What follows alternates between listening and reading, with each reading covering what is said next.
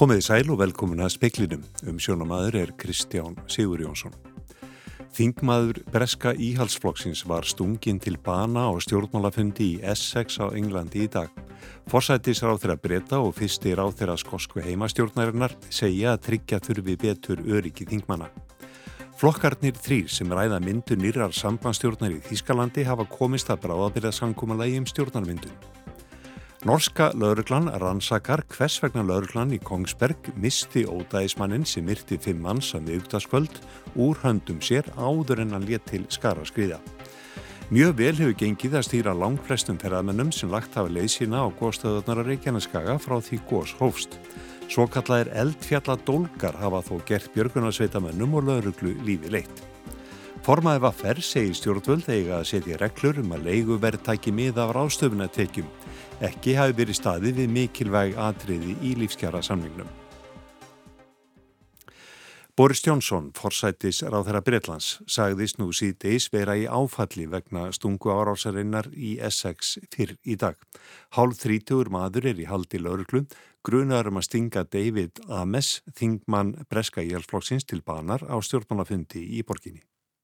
Well, I think all our hearts are full of shock and sadness today uh, to the loss of Sir David. Johnson sem er samflokksmaður MS aðeist í áfalli vegna árásarinnar og lísti lungum þingmannsferli hans sem farsælum en hann settist fyrst á þing árið 1983. Above all he was one of the kindest, nicest, most gentle people in politics and he also had an outstanding record of passing laws to help MS var á fundi með stuðnismannum sínum í hádeginu þegar maður gekk upp á honum og stakkan margsinnis með nýfi.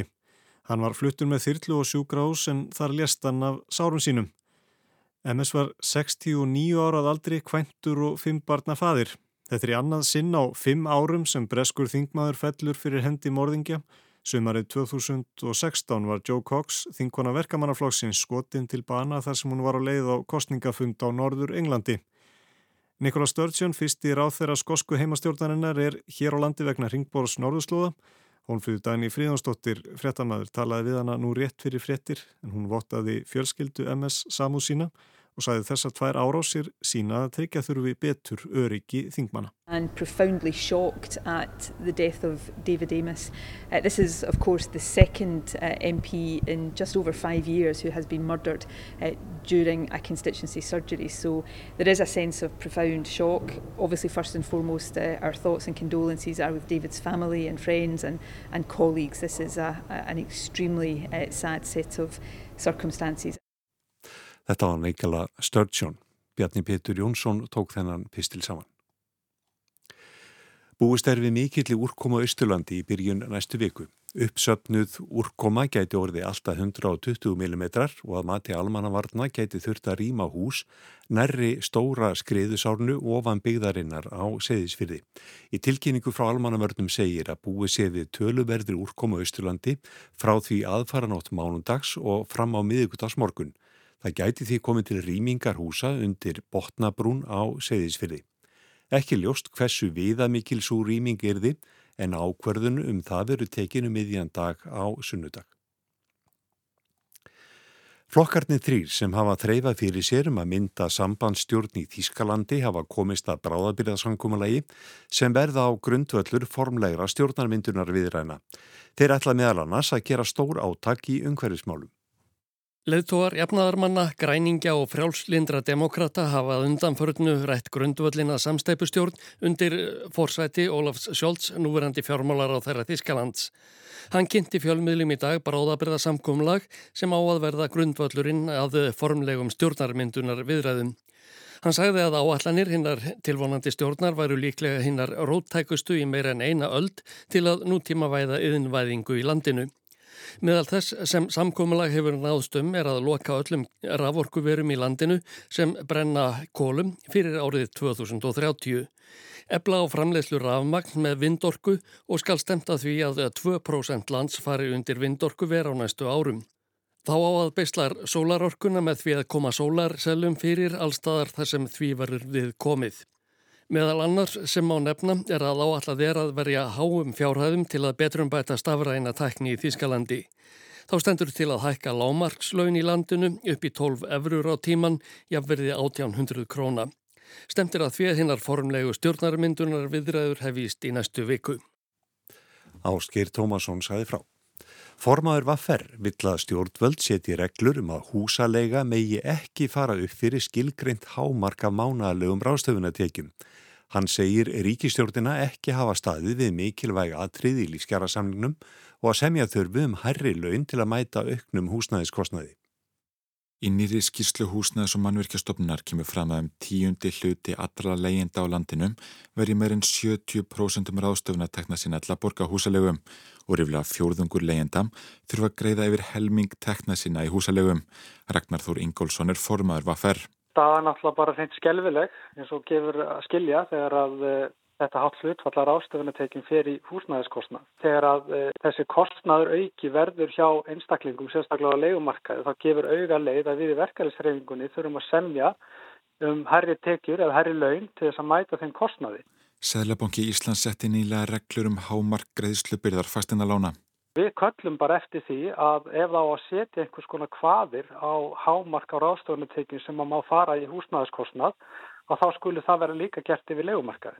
Ragnar segir að stjórnvöld hafi algjörlega bröðist þegar kemur að loða frambóðum og að ekki hafi verið staði við ímis lofur í lífskjærasamningnum eins og að endur skoða ákvæði í húsalegulögum og taka húsnæðisliðin úr vísitölu nesluvers. Þau hafa ekki staði við þessi mikilvægu atriði sem að einmitt snúa að húsnæðismálunum sem að eh, við eh, reyndum að keira í gegn og það er daburlegt að segja frá því að mín upplifun er einmitt svo að stjórnvöld hafi síðan frekar staðið í vegi fyrir að þessi mál væru kláruð vegna, vegna þess að þeim var haldið kerfisbundið í gíslingu inn í fjármálaráðunitinu. Þetta var Ragnar Þór Ingólfsson, Yngvar Þór Björnsson að rætti við hann. Flóttamannastofnun saminuð þjóðana vill að Norðurlöndin hraði og einfaldi málsmeðferð í málum afganskara flóttamanna sem þegar hafa fengið vernd og vilja fá fjölskyldu meðlimi til sín. Þetta kemur fram í yfirlýsingu frá stofnunni. Í ljósi alvarlegs ástands og framgangs talibana í landinu hvetur flóttamannastofnunin ríki til þess að forgangsraða í þáu mála sem varða fjölskyldu saminningu og einfalda ferlið í kringum þau. Almennt hafi Norðurlöndin gefið flótamönnum kost á fjölskyldusaminningu en síðastliðin ár hafi slík saminning orðið torsóttari. Stopnunin hefur áhyggjur af auknum hömlum svo sem tímamörkum um hvenar skuli skila en umsóknum, laungum byggtíma og þröngum skilgrinningum á því hverjir teljist tilheyra fjölskyldu flótamannsins. Þessu til viðbótar segir stopnunin fjárhagslegar og praktískar ástæður oft komið vekk fyrir að fjölskyldur geti saminast. Þar á meðal hár kostnaður við umsóknir og strángar kröfur um framfæslu getu.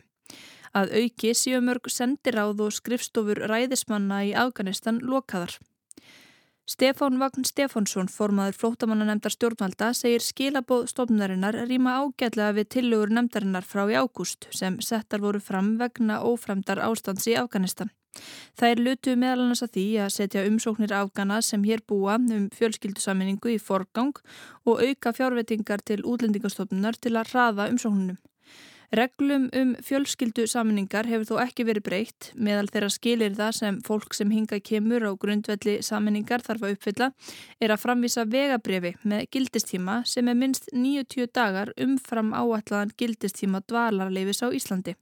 Það þarf að vera með trygga framfæslu að minnst okkurstu 212.000 krónur á mánuði og sjúkratryggingu.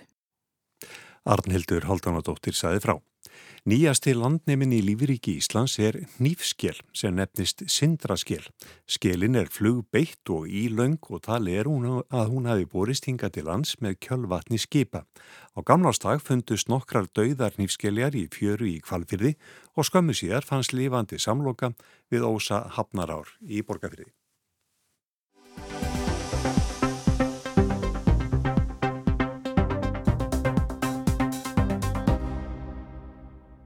Hriðjuverk eða óstjórnlegt æði. skipulaði Espen Andersen Bratten hriðiverk í nafni Íslam eða rann á hann morðæði á miðugtaskvöld. Fimm letu þá lífið á Kongsbergi í Nóri. Af hverju misti lauruglan hann úr höndum sér áður en morðin voru framinn. Gísli Kristjánsson í Óslo hefur fylst með framindinni. Fjórir jafnaldrar og fyrrum skólafélagar Espen Andersen Bróten á Kongsbergi hafa líst kinnum sínum af honum. Frásagnirnar hafa byrst í norskum fjölmiðlum og ber vel saman. Annars hefur eðlilegur unglingur en þó óstýrlátur og stundum vanstiltur en ekki umfram það sem varum ungmenni í bænum. Prakkarastrygg og eitt dæmum innbrott reyndar innbrott í skólan. Eftir þetta fyrir að hallundan fæti fyrir Espen. Félagarnir missa sambandið við hann. Hann verður smátt á smátt utanveldu og undarlegur. Hann hefur það ekki gott og félagarnir segast að fengi grunum geðræn vandamál og svo koma tilvík þar sem hann kemst í kast við laugin vegna fíknjefna og auðgunarbrota tengdra þeim. Og heilbriðiskerfið fær tilfellið Espen inn á sitt borð. Fljótlega eftir síðastliðin aldamót um tvítusaldur er hann alveg utanveldu í samfélaginu og nær aldrei að fóta sig eftir það. Og fyrir fjórum árum byrti hann á YouTube skilaboð um að hann væri snúin til Íslamstrúar. Hei, jeg er en eh, budbringer. Jeg kommer med en advarsel. Er det virkelig det her, det dere vil? Og til alle som har lyst til å gjøre opp for seg selv, så er tiden inne. Bær vitne til at jeg er muslim. Hæ, ég er sendibóði. Ég kem með viðvörun. Er þetta virkilega það sem þið viljið? Og til allra sem vilja gera upp eftir sig, þá er stundin runnin upp. Verði vittni, ég er muslimi. Það hljómar eins og þessi orð séu ætluð einhverjum nákomnum sem hann ávarpar og síðar var hann úrskurðaður í nálgunarbann eftir að hafa ógnað foreldunum sínum með skambissu. En þetta er sá boðskapur sem tengir morðingjan við íslamska trú. Í fyrra bárust laurökla líka bóðum trúar öfga. Ekkert var gert í þeim álum. Fimm árum áður hafði hann byrst í einu moskustadarins og sagst að fengið opinberun. Allt þetta leiði til spurningum hvort hann hafi framið ódæði sín á Kongsbergi í nafni Íslam eða hvort hann hafi skotið á fólk að boga sínum í æðiskasti. Atburðarásinn í gamla miðbænum á Kongsbergi á miðugudagskvöldi getur varpað ljósi á þetta. Í fyrstu var lögreglan kölluð á vettvang vegna þess að maður ógnaði fólki með boga og örfum inn í kaufélagsbúðinni á stafnum. Lögreglan kom vopnuð á vettvang og Espen skaut örfum að lögreglumönnunum. Þeir voru með hlýfðarbúnað í lögreglubílnum en ekki með búnaðin á sér og þeir urða nálgast verjurnar áður en þeir letu til skara skrýða gegn manninum. Þarna réðust úrslitt. Espen komst undan og þá rennur á hann morðæði á flótta um bæin. Hann kemst inn í íbúðir fólks og drefur þar og úti á götum áður en laurökla nærnroksa yfirbuga hann 29 mínútum setna. Fimm létu lífið eftir að laurökla misti af Espen þrýr eru sárir. Rannsókn morðana beinist að þessu. Ekki bara hvers vegna lögreglan misti mannin úr höndum sér. Þetta getur líka varpa ljósi á hvað honum gekk til. Skipulagði hann hriðjuverk eða rann bara á hann æði á flóttanum með vopnaða lauruglumenn á hælunum. Hugsalega getur hann aldrei svara þessu sjálfur.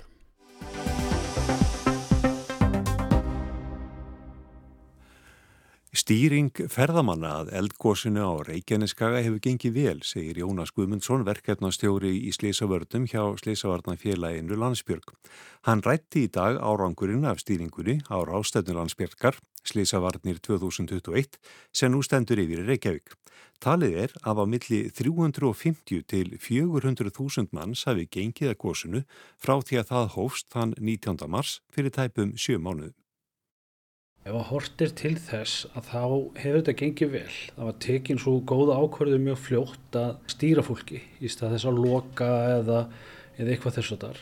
Þannig að það er alltaf gott. Aðdráttarafli er svo mikið, þetta er svo stort og mikil kraftur og það er bara þekkt um alla heimi ferðamála fræðum að, að volcano turism er fólk á bara erfitt með að standast þessi öll Þannig að, að það skrif var gott. Ef til vil hefðu við mátt vera fyrr með ákveðna hluti, gera svolítið öðruvísi en, en það er alltaf auðvelt að horfa í baksinnspeilin og, og fullir um það.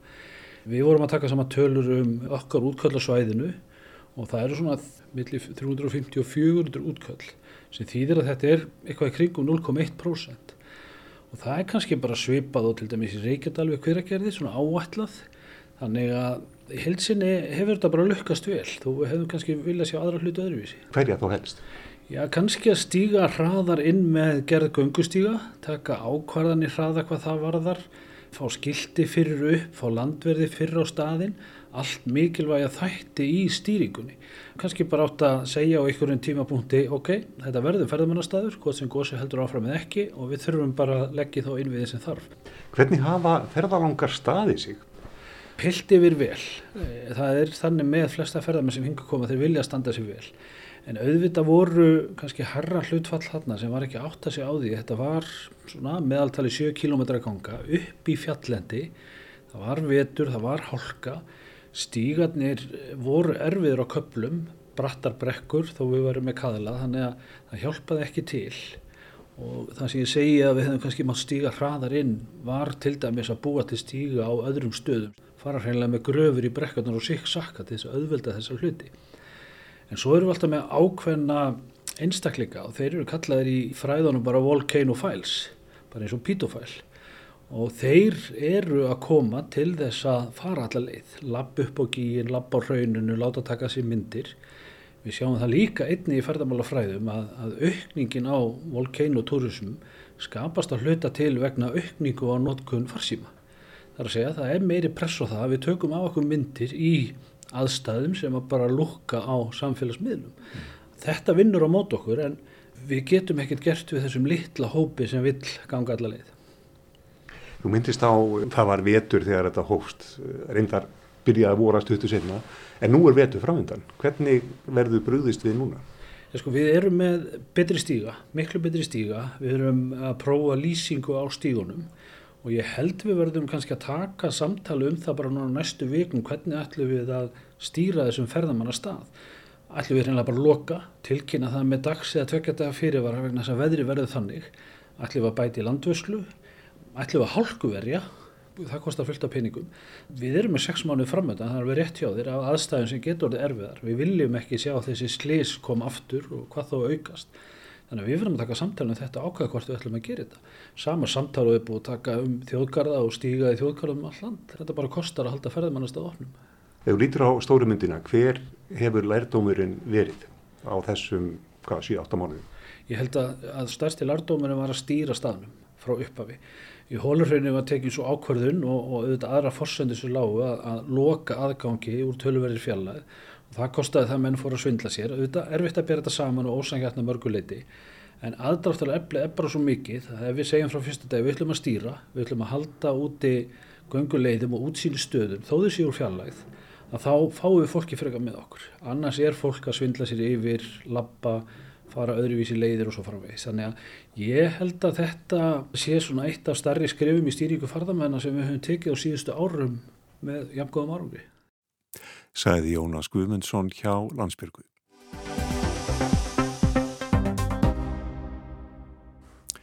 Jöfnun aðstuðumunar milli og innan landsluta er stóra lofvorð Borisar Jónsons fórsættis á þeirra breyta. Vandin er bæði að aðstuðumunurn er mikill og verður ekki jafnaður á einu kjörtímanbili. En líka að það er mjög reiki hvað fórsættis á þeirra ánákvanlega við með lofvorðum sínum. Boris Johnson var hvorsin leiðtogi og var þar með fórsætsræður að breyta að því flokksmenn treyst honum til að vinna kostningar. Það er hins vegar vaksandi áhyggjöfni í flokknum að honu verist ekki jafn síntum að stjórna. Eitt af því sem þingmenn hafa augun á er árangurinn í að efna stærsta lovorðið þetta að jafna aðstöðumun millir landsluta. Þegar Johnson var hvorsin leiðtogi sumari 2019 var það því Theresa May hafi mistekist að koma Brexit frá eftir að hafa streðað við það frá þjóðaratkvæðagreðslunni 2016. Fyrsta lofur Johnsons var því að koma Brexit í kring. Þegar Brexit var í auksín tæpu halva ári síðar emdi Johnson til kostinga og það fór eins og flokkurinn hafi vonað, Johnson og íhalsflokkurinn unnu glæsilegan sigur. Í sigurræðunni dæin eftir kostingarnar fór að móta fyrir lofordinu sem Johnson hefur síðan lagt alla áherslu á. And if you ask yourselves, what is this new government going to do? What is he going to do with his extraordinary majority? I will tell you that is what we are going to do. We are going to unite and level up. Ef fólk væri að spyrja hvað þessi stjórn, þessi fórsætsráð þeirra ætlaði sér að gera með þennan stórkostlega meiri hluta, þá væri það að sameina og jafna, sameina og jafna. En þrátt fyrir tvíteki lofordið er ekki jafn skýrt hvað fórsætsráð þeirra á við í þessum efnum, heldur ekki eftir hann helt sérstakar ræðu um þetta mál í sumar þó ljóst að það á að jafna aðstöðumun varðandi mentun, heilsufar, tekjur og samgöngur. Lovorðið heyrðist aftur í flokkstingsræðunni nú nýlega. Johnson nýtti þá á þeim mikla mun sem væri ekki aðeins milli landsluta heldur jafnvel innan sömu landsluta og eins og Johnson er lægið þá stýra þessu glens og gaman. What royal jelly are they eating that they live seven years longer? than the people of Blackpool, only 33 miles away. Spaugaði með hvaða drottningarhunang fólki í Rippelstölum borðaði eiginlega fyrst að livði að meðaltali sjörum lengur en fólki Blackpool, aðeins rúma 50 kilometra í burtu. En skýringin er kannski ekkit spaug og liggur í flerru en drottningarhunangi. Reyndar hætt við að fólki í Blackpool hafi að jafnaði ekki efni á dýru drottningarhunangi. Einu sinni var Blackpool frægur sumartvalastadur Þangað flyktust brettar til að fara á ströndina, gista hótelum og borða veitingastöðum. Þetta var fyrir daga ódýra sólalandaferða. Þegar þærferðir fóru að bjóðast, glemtist Blackpool. Það fóru fleiri í fríti Blackpool í fyrra en í áratugi en vinsældirnar voru aðeins vegna COVID sem lokaði á utanlandsferðir. Yfirbræð Blackpool er heldur daburlegt eins og gjartanir með staði sem einu sunni áttu góða daga. Þegar tíðindamaður speilsins heimsótti Blackpool fyrir 20 árum var hnignunarbragurinn þegar auðsær. Heimilisleiknar höfðu þá tekið upp samstarf við samtök sem veita upplýsingar um félagsleg málefni.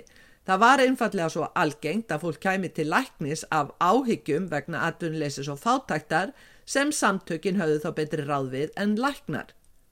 Tímariti Private Eye benti á eftir ræðu fórsætsráð þeirra að aðeins það að jafna aðstöðumun í Blackpool miða við aðra staði væri ærið verkefni. Hverki fleiri á félagsbótum í Breitlandi en í Blackpool alls 22% fólks á vinnualdri. Mikil fátækt og lífslíkur karla í einu hverfinu aðeins 67,5 ár heilum 12 árum stittri en í Breitlandi að meðaltali. Næst hæst sjálfsmortinni karla er í Blackpool, þreifalt fleiri börn sem hefur verið komið í fóstur þar en að meðaltali í Breitlandi sem segir daburlega sögu um félagslega eind og þannig mætti lengi telja. Forsætsráðara hefur sett á lagirnar teimi í forsætsráðunitinu til að sinna verkefninu. Fyrirmyndin er framkvæmda teimi sem Tony Blair, leiðtó í verkamannaflokksins, þótti ná góðum árangri með. Johnson á sjálfur að funda með teiminu 40 mínútur á viku.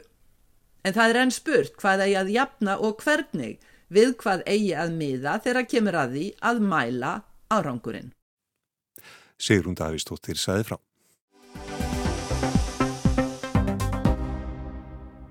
Gróska í barna og ungmenna bókaútgáfu undanferðan ár hefur komið mörgum gleðilega óvart. Svo virðið sem börn og úlingar sæki í bækur sem nokkur skona mótvægi eða samspil við aðra miðla eins og tölvuleiki og myndbönd. Brynhildur Björnstóttir, bladamæður og gaggrinandi hefur fylst glögt með bókaútgáfi hér á landu um ára bil. Það hefur náttúrulega verið heilmikil gróska í batna og unglingabókum og mjög ánægulegt hvað í rauninni þær íslenska bækur af því að það var þegar náttúrulega spáð hérna, spáð harmrænu andlátu bæði bókum og útvarpirindar gaman að tala um það, segja frá því líka sem að enn hvort vekja, báður þessi miðlar hafa þessi fyrirbæri hafa tekið bara góðan keip og, og sérstaklega barnabækunar og barnabókahöfundur eru orðna svona halgjara rokkstyrnur koma í skólana og fá bara standandi hillingar og, og það er bara mjög jákvægt og barnabókaútgáðan er, það, hún er sæmilega breið og þá er maður kannski helst nefnið með þessar ungmennabækur, unglingu ungmennabækur sem hafa svona fengið þáltu meira vægi. Annars sem ég hef tekið eftir sem ég finnst mjög ánægilegt það er, það er svona heið knappaform og ég veit ekki hvort að það er eftir sko þetta tveggja mínútna myndskeiðið á YouTube sem er að, er að síast inn í vitund lesenda líka að bæði eins og ljóð, ljóðið hefur verið í mikill uppsveiflu undanfarin ár en líka smásjór og svona einhvers konar svona ljóð, sögu, svona, svona spennandi heimar þarna á milli. Ég held að sé ekki, held að sé langt frá því tímabært að tilkynna grunnsamlegan döða glæpasögunar, ég held að það sé ekki, ekki komið að honum en þá. Mér sínist samt svona það sé kannski að það farið að hæja á, það var á tímabili þá kom bara nýr glæpasögu höfundur fram bara kannski margir á ári en uh, nú er eins og það sé búið að nást eitthvað jafnvægi því höfundar eins og hún hérna Lilja Sigurðar, Solveig Pálsdóttur og svo auðvitað náttúrulega Irsa Arnaldur og fleiri þau halda áfram að, að gefa út bækur sérka árlega. En ég hugsa að Netflix til dæmis kannski þjónit aldrei sama já, eða höfguð þarna í sama knýrun svona þessir glæpa þættir sem þar eru og einnig þessi skandinavia þessir myrku skandinavisku glæpa þættir Þannig að markaðurinn sé að mettast hlunlega að þessu liti Já, kannski ekki að mettast en hann sé að það sé svona, hvað ég maður segja, það verði kannski skörun, þannig að þeir sem að kannski kiftu sér þrjár kiljur kaupi einu hálfið að tvær og horfi síðan á serjur á móti. Ég hef enga sjölutölu baka þetta, þetta er bara tilfinning sko. En svo finnst mér líka vera svona ákveðin sem er svolítið skemmtilegt, mér finnst vera svona ákveðin skapandi nálgun við bækur og form, hvað má setja í bók og hvernig bækur eru byggður upp og svo framvegis. Og mér finnst það líka mjög skemmtilegt og mér finnst það svona aðeins að verða, verða að glæðast aftur. Og ennþá hefur bókin sína stöðu hjá Íslendikum fólk vil gerna koma verkunum sínum út á bók þó það séu svona margir aðri miðlar í bóði þá er bókin samt einhvern veginn verðist vera fyrsti miðl fyrir marga og það er náttúrulega bara alveg frábært. Kemur það þér á óvart með tilliti til allra þessara miðla sem eru í gangi? Sko miðað við spár, miðað við það sem, að, það sem var búið að segja og aftur tala ég um líka eins og bara fyrir tíu árum þá var talað um að útvarpið var í degjandi miðil og nú er útvarpið mest í rauninni sko, nú eru, eru, eru podcast og, og svona alls konar skapandi nálgun hjá alls konar fólki við útvarpsmiðilinn sem að spratt upp í rauninni nánast eins og öllum á ofurum sko. Í staðin fyrir að nýju miðlarnir gangi af þeim eldri döðum og þú tala um bók bara sem, sem miðil þá er eins og það verði svona gagkvæm innspýting sko. Og þá er að verði, verði innspýting frá þessum nýju aðferðum til að miðla að það skelir sér síðan bara aftur inn í bækurnar.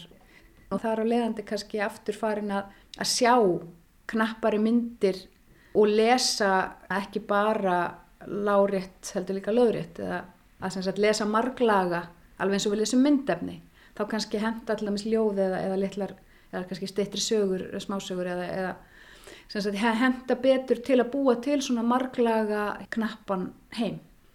Þú myndist þarna á blómlega barna og ungmenna bókaútgáfu. Hvernig stendur á því? Er, er lestrar áhugi barna svona mikil? Ekki það verist vera. Það er ekki bara eins og væri kannski freistandi að ímynda sér að þetta væri bara eitthvað svona fullotnum finnst að börni að lesa og gefa þeim bækur og börnin bara upp á aukslum og halda áfram í símanum heldur þá eru höfundar eins og Gunnar Helgarsson, Hildur Knútsdóttir og Ævar Þór, vísindamæður, sem maður gleymi honum nú ekki, sem að hafa þennan status bara alveg eins og Arnaldur og Irsa að krakkar vilja lesa bækurna þeirra. Kanski hefur þetta eitthvað með það að gera við erum bókaþjóð en bækur bjóða bara upp á ímyndunavirkni sem að engin annar miðil býður upp á. Það virðist vera andstætt ímsum spám að börn og unglingar þurfi áfram og vilji áfram og njóti þess áfram bæði að veri tölvleika sem er búið ákveð allt fyrir þau eða þess að heldur einmitt að fá jafnliða því að, að taka inn efni, myndefni, að búa til sitt eigi myndefni í höfðinu upp úr sögum í sínu einstaka samtali við höfund og það er náttúrulega óendanlega gleðilegt fyrir okkur sem elskum bækur og vitum hvaða töfra og og gleði bækur geta veitt. Sagði Brynhildur Björstóttir. Það var helst í speiklinum að þingmaður Breska Íhalsflokksins var stungin til bana á stjórnmálafundi í Essex á Englandi í dag. Forsætis ráð þeirra breyta og fyrstir ráð þeirra skosku heimastjórnarinnar segja að tryggja þurfi betur öryggi þingmana. Flokkarnir þrýr sem ræða myndunir að sambandstjórnar í Þískalandi hafa komist að bráðabyrðasankumulagi um stjórnamyndun.